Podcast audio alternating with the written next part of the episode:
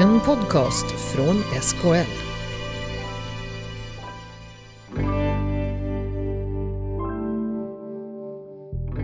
Sen tror jag lite så här tight, loose, tight. Eh, jag tror att det är viktigt att tänka en tydlig riktning, den är tight. Men görandet och huret måste också få vara eh, kreativt. Där måste vi använda medarbetarnas och medborgarnas kraft.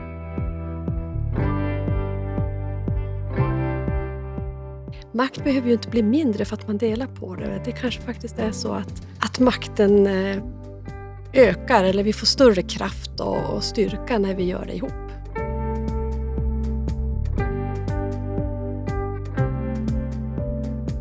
Välkomna till SKLs Nära vårdpodd som leds av mig, Emma Spak, som är samordnare för nära vård på Sveriges kommuner och landsting.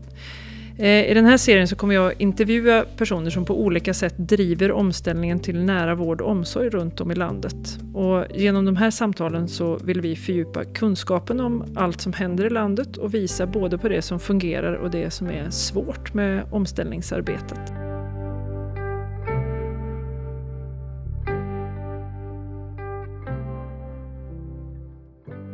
Nu har jag haft förmånen att arbeta på SKL som samordnare för nära vård de senaste två åren och det här har varit otroligt givande. Jag får träffa så många människor runt om i Sverige som är engagerade i att göra det bättre för dem vi är till för. Men nu kommer jag ha förmånen att fortsätta arbeta med utvecklingsfrågor på SKL men i en ny form som chef för sektionen för hälso och sjukvård.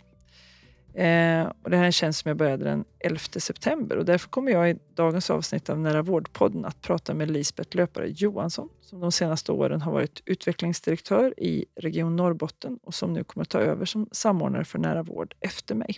Eh, och jag är jätteglad att få välkomna dig till att ta över stafettpinnen för omställningsarbetet men också hit till vår Nära vårdpodd.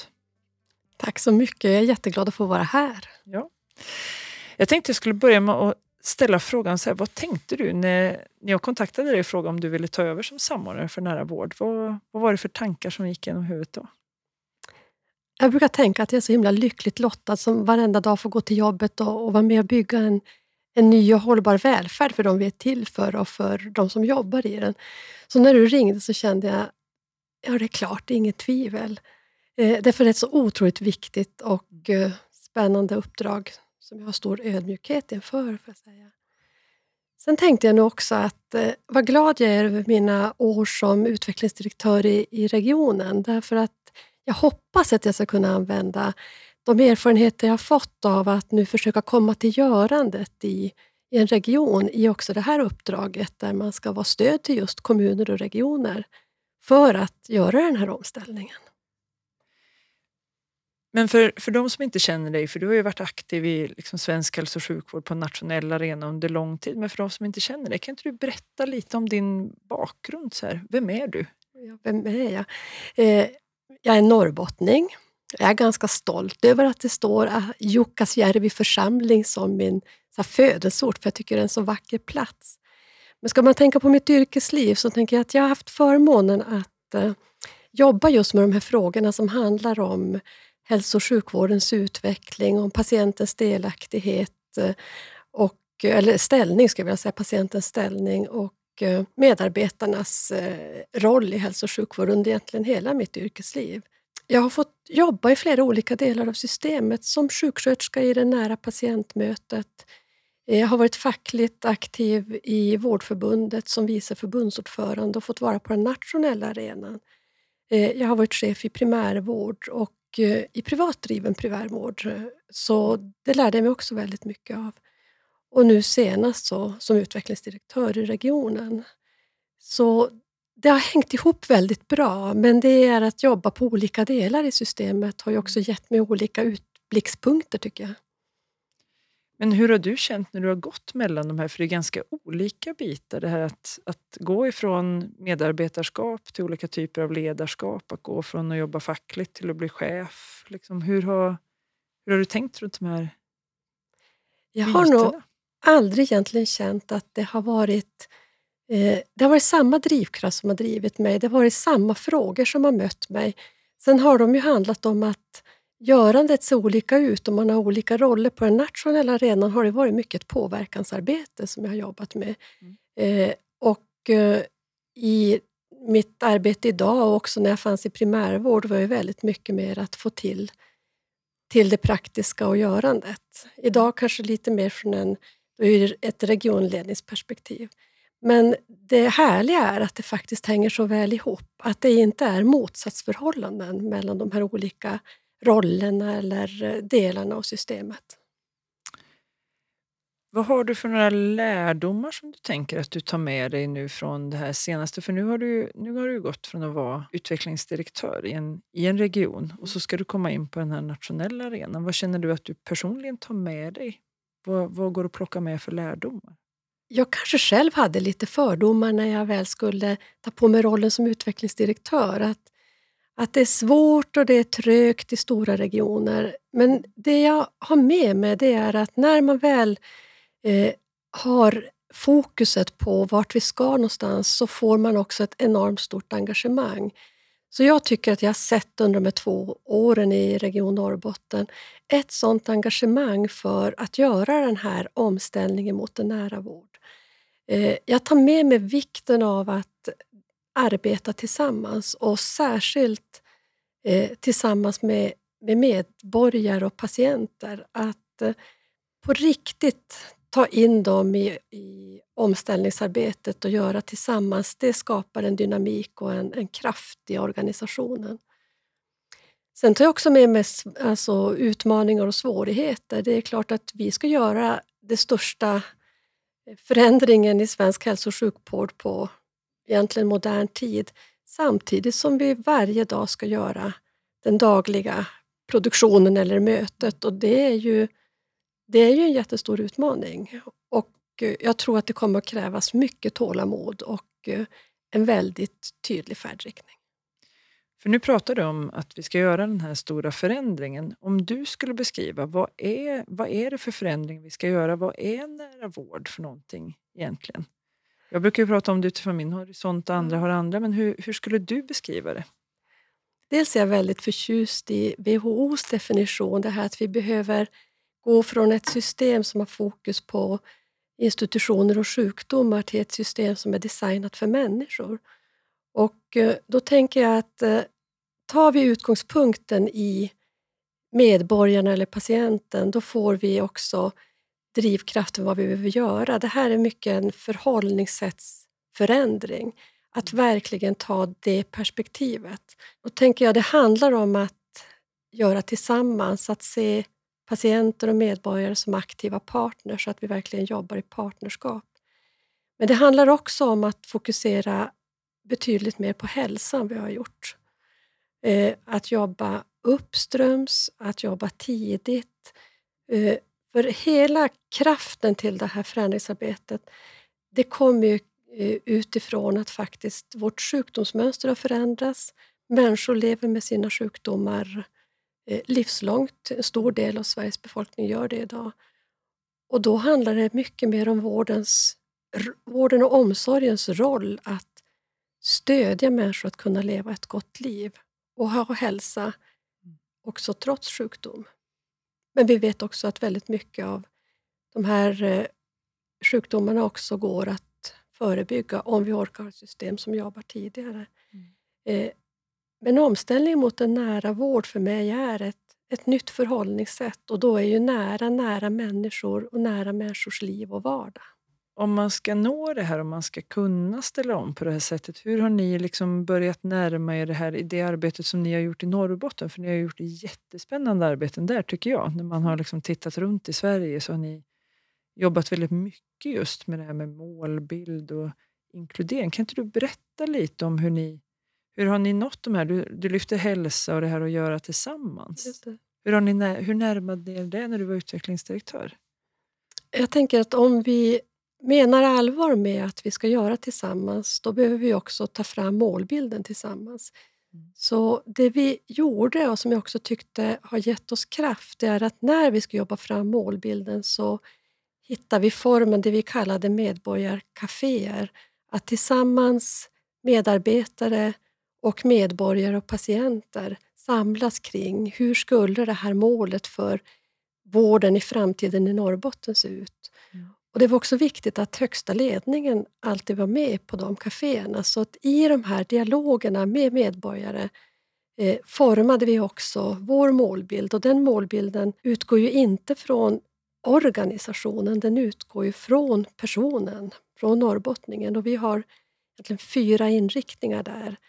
Eh, jag får stöd att främja min hälsa och då, där finns ju hela kraften i det förebyggande arbetet men också rätten till hälsa trots sjukdom. Mm. Jag är en aktiv och självklar partner Partnerskapet är ju också grunden egentligen i hela omställningen, det personcentrerade förhållningssättet. Men vi har också, jag får nära vård på nya sätt. Och där kommer ju närheten in, närheten till att kunna leva ett liv. Vi hade Sara Riggare med oss på vår första ledarskapskonferens när vi också diskuterade den målbild som börjar växa fram och hon säger så starkt att jag vill leva i världen, inte i vården. Och då måste stödet vara nära mig, eh, där jag lever mitt liv i världen. De nya sätten är mycket också digitala lösningar för eh, vår geografi i Norrbotten gör ju också att vi behöver ju hitta hållbara sätt att, att mötas och då är ju det digitala eh, ett sätt att skapa närhet. Och sen också den samordnade eh, vården och omsorgen. För en stor del kommer också behöva insatser, eller behöver idag insatser för som, från såväl kommuner som regionen. Men också civilsamhället som har en roll i det här. Det jag tyckte var spännande i de här dialogerna det var att eh, ordet trygg blev väldigt mycket diskuterat. Mm. Och, eh, jag vet att vi eh, funderade på våra chefsgrupperingar, men trygg, är det, är det någonting som är vårt uppdrag? Och det var det viktigaste för medborgarna. Så egentligen grunden i, i, i trygg. Trygg att kunna veta att jag får stöd när jag behöver. Med mm. kraften hos människor att använda sin förmåga och leva sitt liv. Hur blev reaktionerna? För du säger att det var viktigt att ledningen var med på de här kaféerna ja. och när ni liksom fick befolkningen komma och prata om, om liksom hur, man, man... Vad blev reaktionerna? Jag tänker just när, det här, när, man, när man stöter på någonting sånt här där man inte får det man kanske tror. Som det här med trygghet. Liksom hur... ja, men jag tänker att eftersom det var, togs fram i dialog så har ändå reaktionerna egentligen bara varit positiva. Mm. Det har känts som att det här är någonting som eh, har vuxit fram i, gemensamt med medborgarna och därför blir det också så hållbart och någonting man är stolt över. Mm. Eh, så att jag tror att det är mest ett lärande. Mm. Att se att när vi faktiskt bjuder in flera perspektiv så upptäcker vi nya saker och det lärandet är ju fantastiskt att vara med om. Eh, och jag ska också säga att de här kaféerna, nu är målbilden klar och vår styrelsen i, i regionen tog den i juni förra året, själva strategin. Men vi fortsätter ju med de här kaféerna för det är ju en, ett arbetssätt också när vi nu ska verkligen mm. göra och leva den här målbilden. Otroligt spännande. Mm. Det jag tycker också vi lärde oss och som en av våra eh, eh, länschefer sa, det är ju att vi tittar ju ofta på att vi har brist på resurser för vi har tufft med rekrytering av medarbetare och så. så det är ju fantastiskt för nu är vi ju 250 000, alltså alla medborgare i Norrbotten som är med om den här förändringen. Helt plötsligt har vi ju mycket mer resurser när vi inkluderar inte bara oss själva. Så Det är sådana här eh, ögonöppnare mm. som man är med om när man gör sådana här dialoger. Och det är fantastiskt att lyssna på att du berättar hur det här, liksom, när ni väl gjorde det. Men hur lyckades ni komma till punkten där man har modet att gå in i det här? För jag har upplevt mm. när man åker runt att en del som är såhär, ah, men hur ska man göra då? Man är lite tveksam. Hur, Tänkte hur, du gå in hur, i själva målformuleringen? Nej, men det här med att göra de här medborgardialogerna. Just det. Hur skapar man modet i organisationen att öppna upp? Vilken bra fråga. Jag tror vi bara var så eh, säkra på att nu måste vi göra det här mm. och, så, och så körde vi. Och, och, Jag tror också att det finns en eh, ovana från många olika håll till att mm. vi ofta kommer vi kommer ut och informerar och sen så kanske det är eh, några som kommer och lyssnar och är lite mer nästan opponenter. Och att verkligen våga släppa fram dialogen och inte se det som ett informationsmöte. Det tyckte vi fick vi sätta som konceptet eller ramarna för. Men jag tror inte vi hann tänka så mycket, vi gjorde mest. Mm. Och sen har vi vridit och lärt oss av, av det vi gjorde också såklart. Ja, för så är det ju. Om man börjar göra så måste Precis. man vara beredd att justera. Precis. Ja. Det är otroligt spännande tycker jag, just det här hur ni har inkluderat befolkningen i, i de här frågorna. Mm. Men när ni, när ni nu fortsätter göra det, när ni jobbar vidare, hur, hur ser lärandet ut i befolkningen? Är det samma personer som kommer eller hur funkar det? Nu har vi varit på olika orter så vi har ja. som inte hunnit återkomma till någon ort. Okay. Eh, så att det blir spännande att se om vi får eh, nya människor som kommer. Och, men det blir ganska mycket hands-on. Vi var, jag var i Haparanda på ett eh, sånt här medborgarcafé efter målbilden är tagen och då handlar det mer om görandet. Hur ska vi kunna tillsammans, kommunen och, och regionen, jobba med hälsofrämjande aktiviteter på nya sätt? Och, eh, kan vi skapa något patientråd på hälsocentralen så att vi får upp de här frågorna dagligen. Det blir ganska mycket konkreta mm. idéer som kommer fram. Du sa det, för du pratade om hälsa som är en viktig aspekt när ni har liksom ritat er målbild. Nu kom det in också här med hälsofrämjande. Mm. För det är ju också en sorts skifte i, i liksom perspektiv om man börjar jobba mer hälsofrämjande. Hur har det liksom tagit sig uttryck i arbetet som ni Dels så har vi också en, en, en folkhälsostrategi där vi har satt upp mål, både vad vi gör inåt mm. i regionen men också hur vi samverkar med andra och då är det många aktörer. Mm. Eh, jag tycker att vi har en, en bit kvar att verkligen fundera, att varje enhet och arbetsplats funderar på hur, eh, hur ser vårt arbete för att främja hälsa ut? Så att vi inte tänker att det är bara en viss del av organisationen som har det uppdraget. Och eh, där har vi fortfarande saker kvar att göra. Men vi har ju till den här strategin ska jag säga, kopplat en färdplan så att man eh, två år i taget har vi satt som mål, har vissa aktiviteter som vi tänker att de här behöver vi ha gjorda för att också ta oss i riktningen mot målbilden, så man inte stannar vid målbilden. Mm. Och då finns ju också till exempel att skapa mer digitala verktyg för eh, hälsofrämjande aktiviteter. Vi jobbar ju med hälsosamtal i, i Region Norrbotten för 30, 40, 50 och 60-åringar. Mm. Kan vi digitalisera dem mer? Kan vi göra dem på nya sätt? Och så det är en del till exempel av vår färdplan.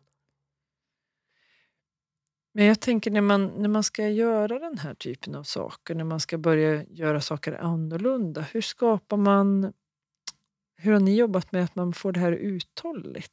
För det måste ju också vara en jättestor utmaning. Alla regioner möter nu ganska stora ekonomiska utmaningar. Precis. När man nu ska börja göra saker annorlunda, öppna upp för befolkningens idéer. Hur, hur, hur skapar man hållbarhet i det? Så att man vågar fortsätta. Mm. Jag tror att, att den allra högsta ledningen har en viktig roll här. Att fortsätta visa riktning. Jag tänker att det är kanske det viktigaste för, för den högsta ledningen. Och också delta fortsatt på till exempel såna här kaféer mm. som visar att ja, vi fortsätter vårt arbete eh, även om de ekonomiska utmaningarna är, är tuffa. Och Det här är också svaret på de ekonomiska utmaningarna, att mm. jobba på andra sätt. Eh, vi har också skapat några nya, vi har eh, en förändringsledningsutbildning för chefer och, och verksamhetsutvecklare. Vi har en seminarieserie som vi kallar Genomförandekraft som både är, man får lyssna och få lite inspiration och lyfta sig från vardagen men sen också chans att tillsammans med kollegor reflektera över men hur går det för dig i din verksamhet och kan vi ge varandra tips och kan vi skapa nätverk ihop. Eh, så att lite olika sådana stödjande aktiviteter. Vi har också funderat mycket på hur vi ser till att det här finns i den ordinarie styrningen så det här inte blir ett projekt på sidan om och sen har man en verksamhetsplan som pratar om massor med andra saker och, och eh, eh får tufft att få ihop det i vardagen. För det, det du börjar komma in på nu är det här ledarskapet, liksom, att klara av att faktiskt driva den här förändringen. Att man tar det från de här liksom planerna och de här målen till någonting som blir konkret Precis. uppe på golvet. Um, hur ser du då på ja, men på ledarskapet i det här och hur, hur, liksom, hur ska man jobba som chef i en sån här förändring? Mm. Jag tror att det är väl, eller jag är övertygad om att det här med att ha riktningen, att ha målbilden är en, en av de viktigaste delarna i ledarskapet. Mm. Eh, jag tror att det var du Emma som sa att du hade lyssnat någon gång på Exot i, i Sydkarelen i mm. Finland mm. och när de reflekterar över sin resa, för de har ändå gjort en stor omställning, att, att de säger, ska jag ge något råd så, så våga vara lite längre i målbilden. Se till att den finns där och bärs i, i människor. Eh, så det tycker jag är viktigt. Eh, sen tror jag lite så här tight, loose, tight. Eh, jag tror att det är viktigt att tänka en tydlig riktning, den är tight. Mm. Men görandet och huret måste också få vara eh, kreativt. Där måste vi använda medarbetarnas och medborgarnas kraft.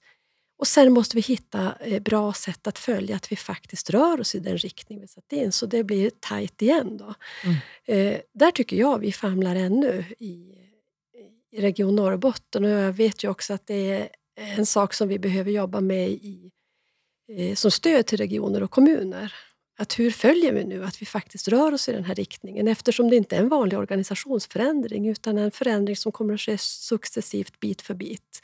Så måste vi ändå veta att det rör sig i, riktningen. Men hur lyckas man? Vi är ju så vana att man mest ska implementera saker. Och så här, hur lyckas man med det här som är ganska komplext? Och liksom den här förändringen som du säger, det här är ingen vanlig förändring. Nej. Men hur ska man då som, som chef klara det här om man är van att jobba i ett annat? Som, vad ser du att man kan göra för att stödja? Alltså det, är ju, det är ju utmanande att tänka, för vi vill ju gärna ha kontroll och gärna tänka mm. ut hur allting ska bli innan och sen implementera det. Eh, men jag återkommer, jag tror att ledarskapet handlar om att visa riktning men också kunna följa mm. att vi faktiskt har tagit eh, de stegen. Och sen tror jag att vissa större saker kan vi se att det här är viktiga saker som vi borde få på plats. Det kan ju handla om hur, att vi blir bättre på att ha återbesöken digitalt hos oss mm. till exempel. Det blir ju så mer konkreta. Samarbetet kommunerna och regionen kring de mest sjuka, sådana saker som kan vara viktiga byggstenar för, för ett nytt hälso och sjukvårdssystem som är nära befolkningen.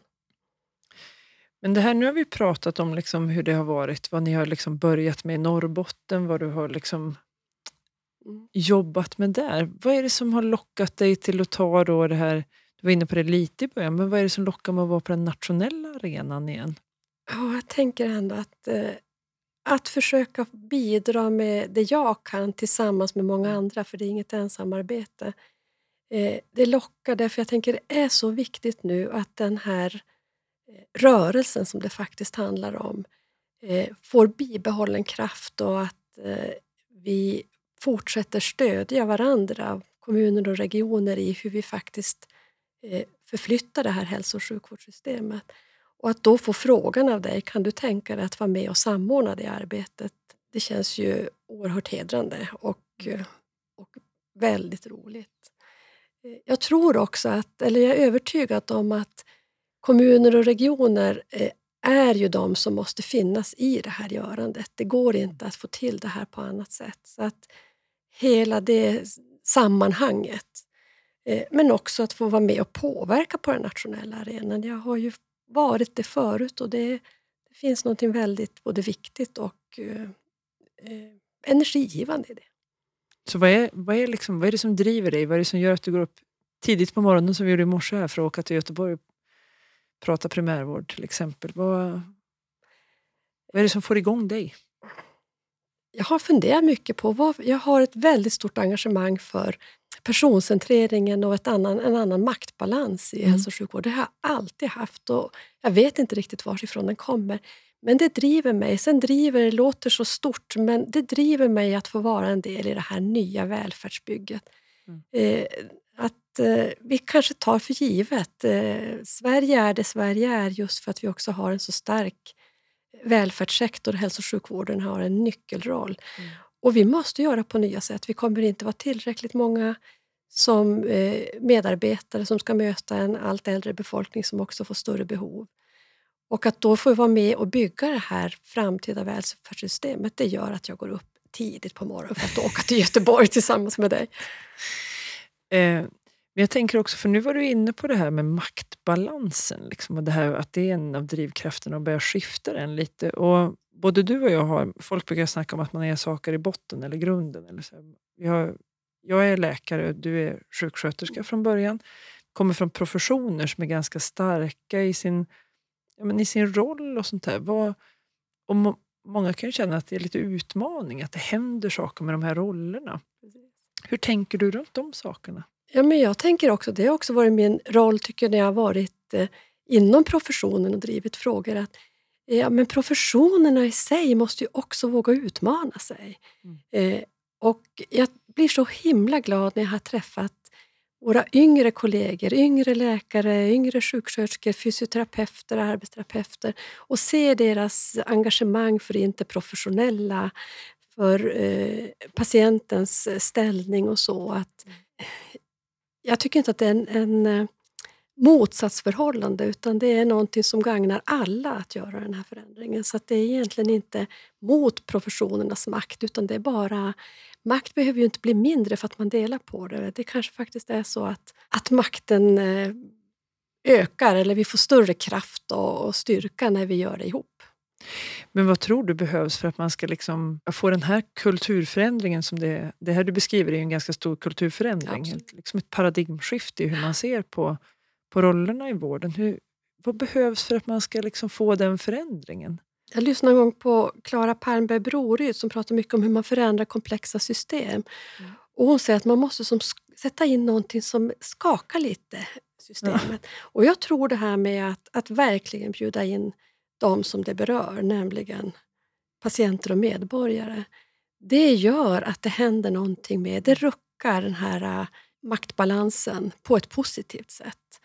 Och det leder till det jag berättar om det här med trygg. Mm. Ja, men just det, perspektivet blir ett annat. Så Det tror jag är en jätteviktig nyckel och ett måste. Mm. Hur, hur tänker du om man tar med sig den idén lite konkret. Hur tänker du? Hur skulle du vilja jobba med det på nationell nivå? Och liksom skapa, skapa det här skaket eller skavet som gör... Just det. Och jag har inte hunnit tänka färdigt mer än jag tänker att vi, att vi måste göra det. Ja. Eh, jag tror också att ledares viktigaste roller är att faktiskt leva den förändring man vill se. Och eh, på något sätt behöver vi ju jobba mycket närmare med medborgare och patienter i den här förändringen mm. också på nationell nivå. Och där behöver du och jag prata lite, ni har ju gjort mycket. Hur kan vi bygga vidare på det?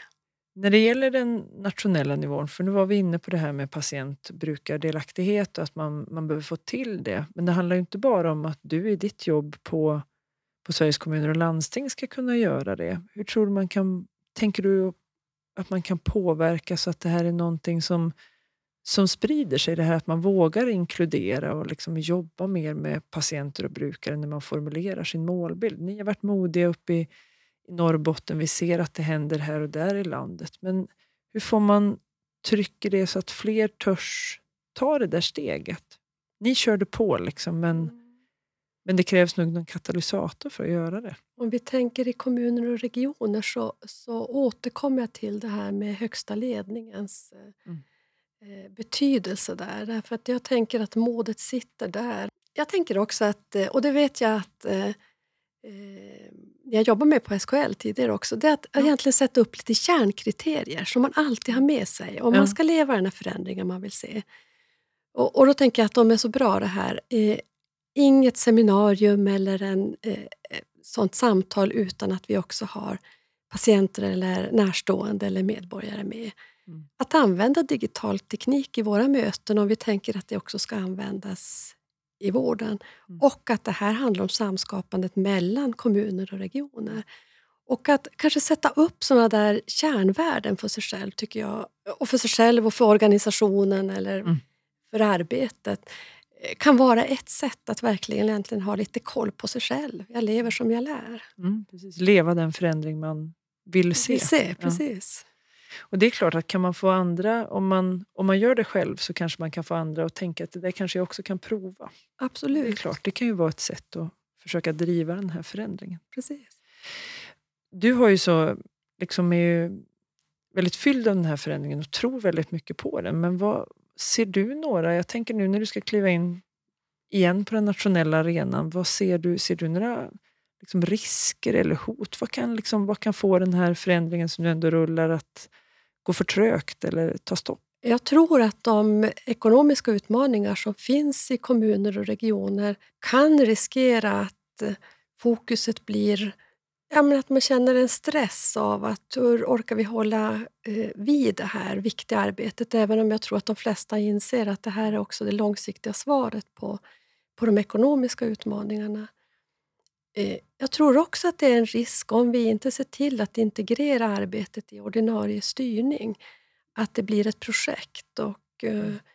eh, någonstans tar ett projekt slut. Och det här är inte för mig och inte för någon annan, hoppas jag heller, ett projekt som tar slut. Det här är en förändring som sker bitvis. Så, kan vi, så riskerna då är att, att man projektifierar omställningen till nära vård, att mm. den inte blir del av liksom kärnan på något sätt i utvecklingen av hälso och sjukvården? Mm. Är det det du... Ja, det tänker jag. Vad kan man göra för att liksom stävja det? Då? Vad, vad, kan, vad kan man bidra med för att se till att det här inte händer? Att, att vi inte, liksom, det här inte glider av banan? Den viktiga förändringen. Dels tänker jag att det är viktigt att se det här som en förändring av hela sjukvårdssystemet. Mm. Även om fokuset blir på det som är det viktiga, det som är nära individen och det individen upplever som, som närhet och, och mm. uh, goda relationer. Jag tänker också att det är viktigt att bli mer konkret gemensamt kring strategin framåt. Hur ser den ut nu? Eh, hur tar vi en eh, målbild och en vilja eh, gemensamt till, till ett görande och, och till resultat? Och då tror jag att vi behöver något som håller ihop det här. En gemensam strategi, en, en riktning framåt för, för svensk hälso och sjukvård. Och då blir det här en ganska stor fråga. Det får det man ju ändå säga. Du var inne här också lite på att ekonomin är en fara. Och det ser vi ju runt om i landet nu, att det blir kärvare och kärvare för kommuner och regioner. Men du sa att det här måste ju delvis vara lösningen på den här ekonomiska problematiken. Men hur, hur ska man då, när man sitter som ansvarig för ekonomin, klara av att hålla ut och se att det här kommer att bli bättre längre fram? Det är rätt svårt att våga ta beslut när man mm. inte vet exakt vart man är på väg någonstans. Nej. Hur ska man skapa det modet i organisationen? Eh, jag tror att den här grunden i, i målbilden, att vi verkligen tror på dit vi ska, mm. är viktigt. Och jag tänker också att det är viktigt att det som är stödfunktioner i kommuner och regioner också delar den här målbilden och, och funderar på hur deras stöd det kan vara det som handlar om ekonomi och styrning men det kan också vara andra delar, det kan vara HR och kommunikation och hur de bidrar. Sen tycker jag att det är spännande och det vet jag att är påbörjat inom ramen för eh, SKLs arbete. Det är ju att se hur ser vi? Behöver vi också fundera på den ekonomiska styrningen framåt? Kan vi lära mm. nytt också där? Mm. Eh, så det tycker jag är ett spännande arbete att få, få följa. För visst, eh, nu ställer jag en fråga till dig, men det är Leading Health, jag förstår jag har något, eh, något uppdrag också ja. kring detta. Ja, det är ju en av de sakerna kan jag säga som vi har jobbat med på, på SKL, att vi ser att ska man kunna fatta beslut, då måste man också veta att, de inte, att det här med nära vård inte bara blir något mjukt och mysigt, utan det måste också kunna omsättas i att det är faktiskt är ett rationellt sätt att jobba om man ska klara ekonomin framåt. Så vi försöker hitta sätt att stödja hur man ska analysera det. det. det blir ett arbete som ni får ta en stafettpinne som vi får lämna över nu, för det här fortsätter ju framåt. Men jag tänker Det är ju ett jätteviktigt lärande. Vi pratar ju ofta om i utvecklingsarbeten att fortsätter vi göra som vi alltid har gjort så får vi de resultat vi alltid har fått. Mm. Och Då tror jag att det handlar också om styrning, ledning. Vi måste se, kan vi hitta nya redskap och nya arbetssätt också i de perspektiven? Jag tänker för dig personligen nu när du ska kliva in i den här rollen? Det kommer bli många tidiga morgnar och mycket, mycket pendlande från Norrbotten, för du ska ju fortsätta jobba, åtminstone i höst, delvis i, i Norrbotten som utvecklingsdirektör och delvis på, på SKL. Vad ser du fram emot mest? Det, det är ju inte de tidiga morgnarna får jag säga, men jag har ju, jag. Eh, även om jag är morgonpigg, men jag har ju en ganska stor vana. Jag har ju veckopendlat i många år tidigare. Ja. Men jag ser fram emot mötet med alla människor som är engagerade i den här frågan. Mm. Det ser jag mycket fram emot. Jag ser också fram emot att få praktiskt komma ut och möta kommuner och regioner som jobbar med de här frågorna och, mm. och förstå och se. Och jag hoppas att jag ska kunna använda den här första tiden, första månaderna till att eh, nyfiket få, få bara supa in massor med ny kunskap och engagemang och så. Mm.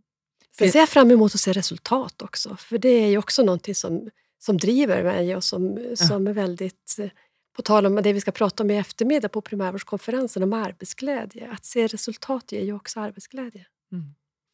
Men finns det någonting som du är nervös för? Åh, oh, massor med saker.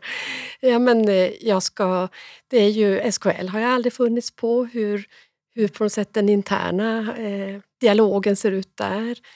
Mm. Eh, jag är nervös ska jag inte säga, men jag tycker det är utmanande det här med tålamodet och att eh, verkligen kunna eh, känna att vi faktiskt orkar hålla i det här. Så att tålamod tycker jag känns jätteviktigt framåt. Mm.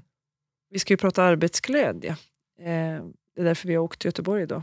Hur, hur tänker du själv runt arbetsglädje? Du har sagt att resultat ger dig, men vad, hur beskriver du arbetsglädje? Hur har, du liksom, hur har du jobbat när du har varit chef för att se till att det finns arbetsglädje i organisationen runt omkring dig?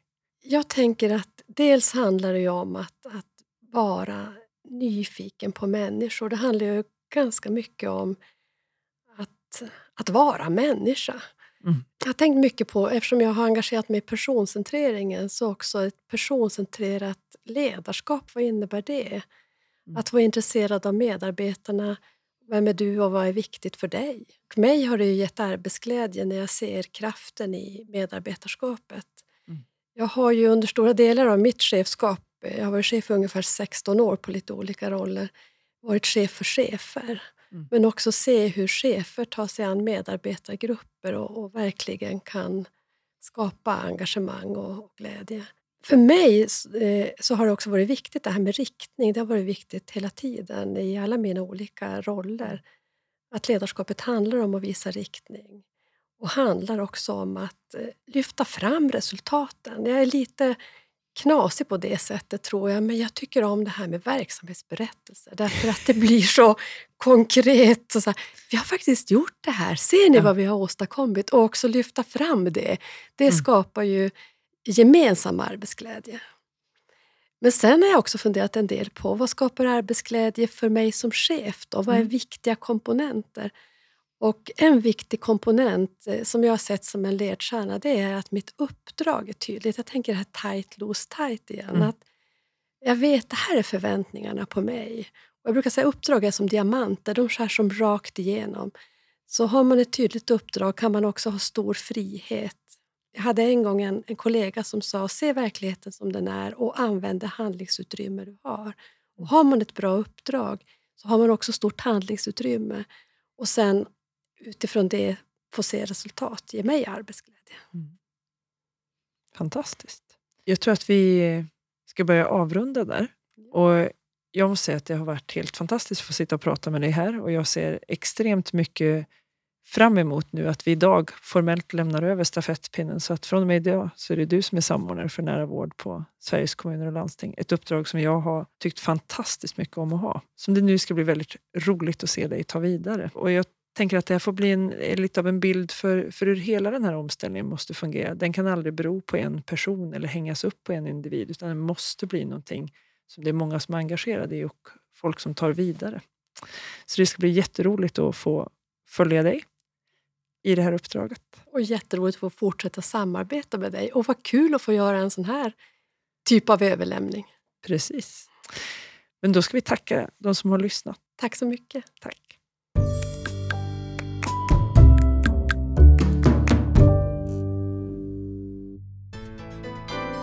Podcast från SKL.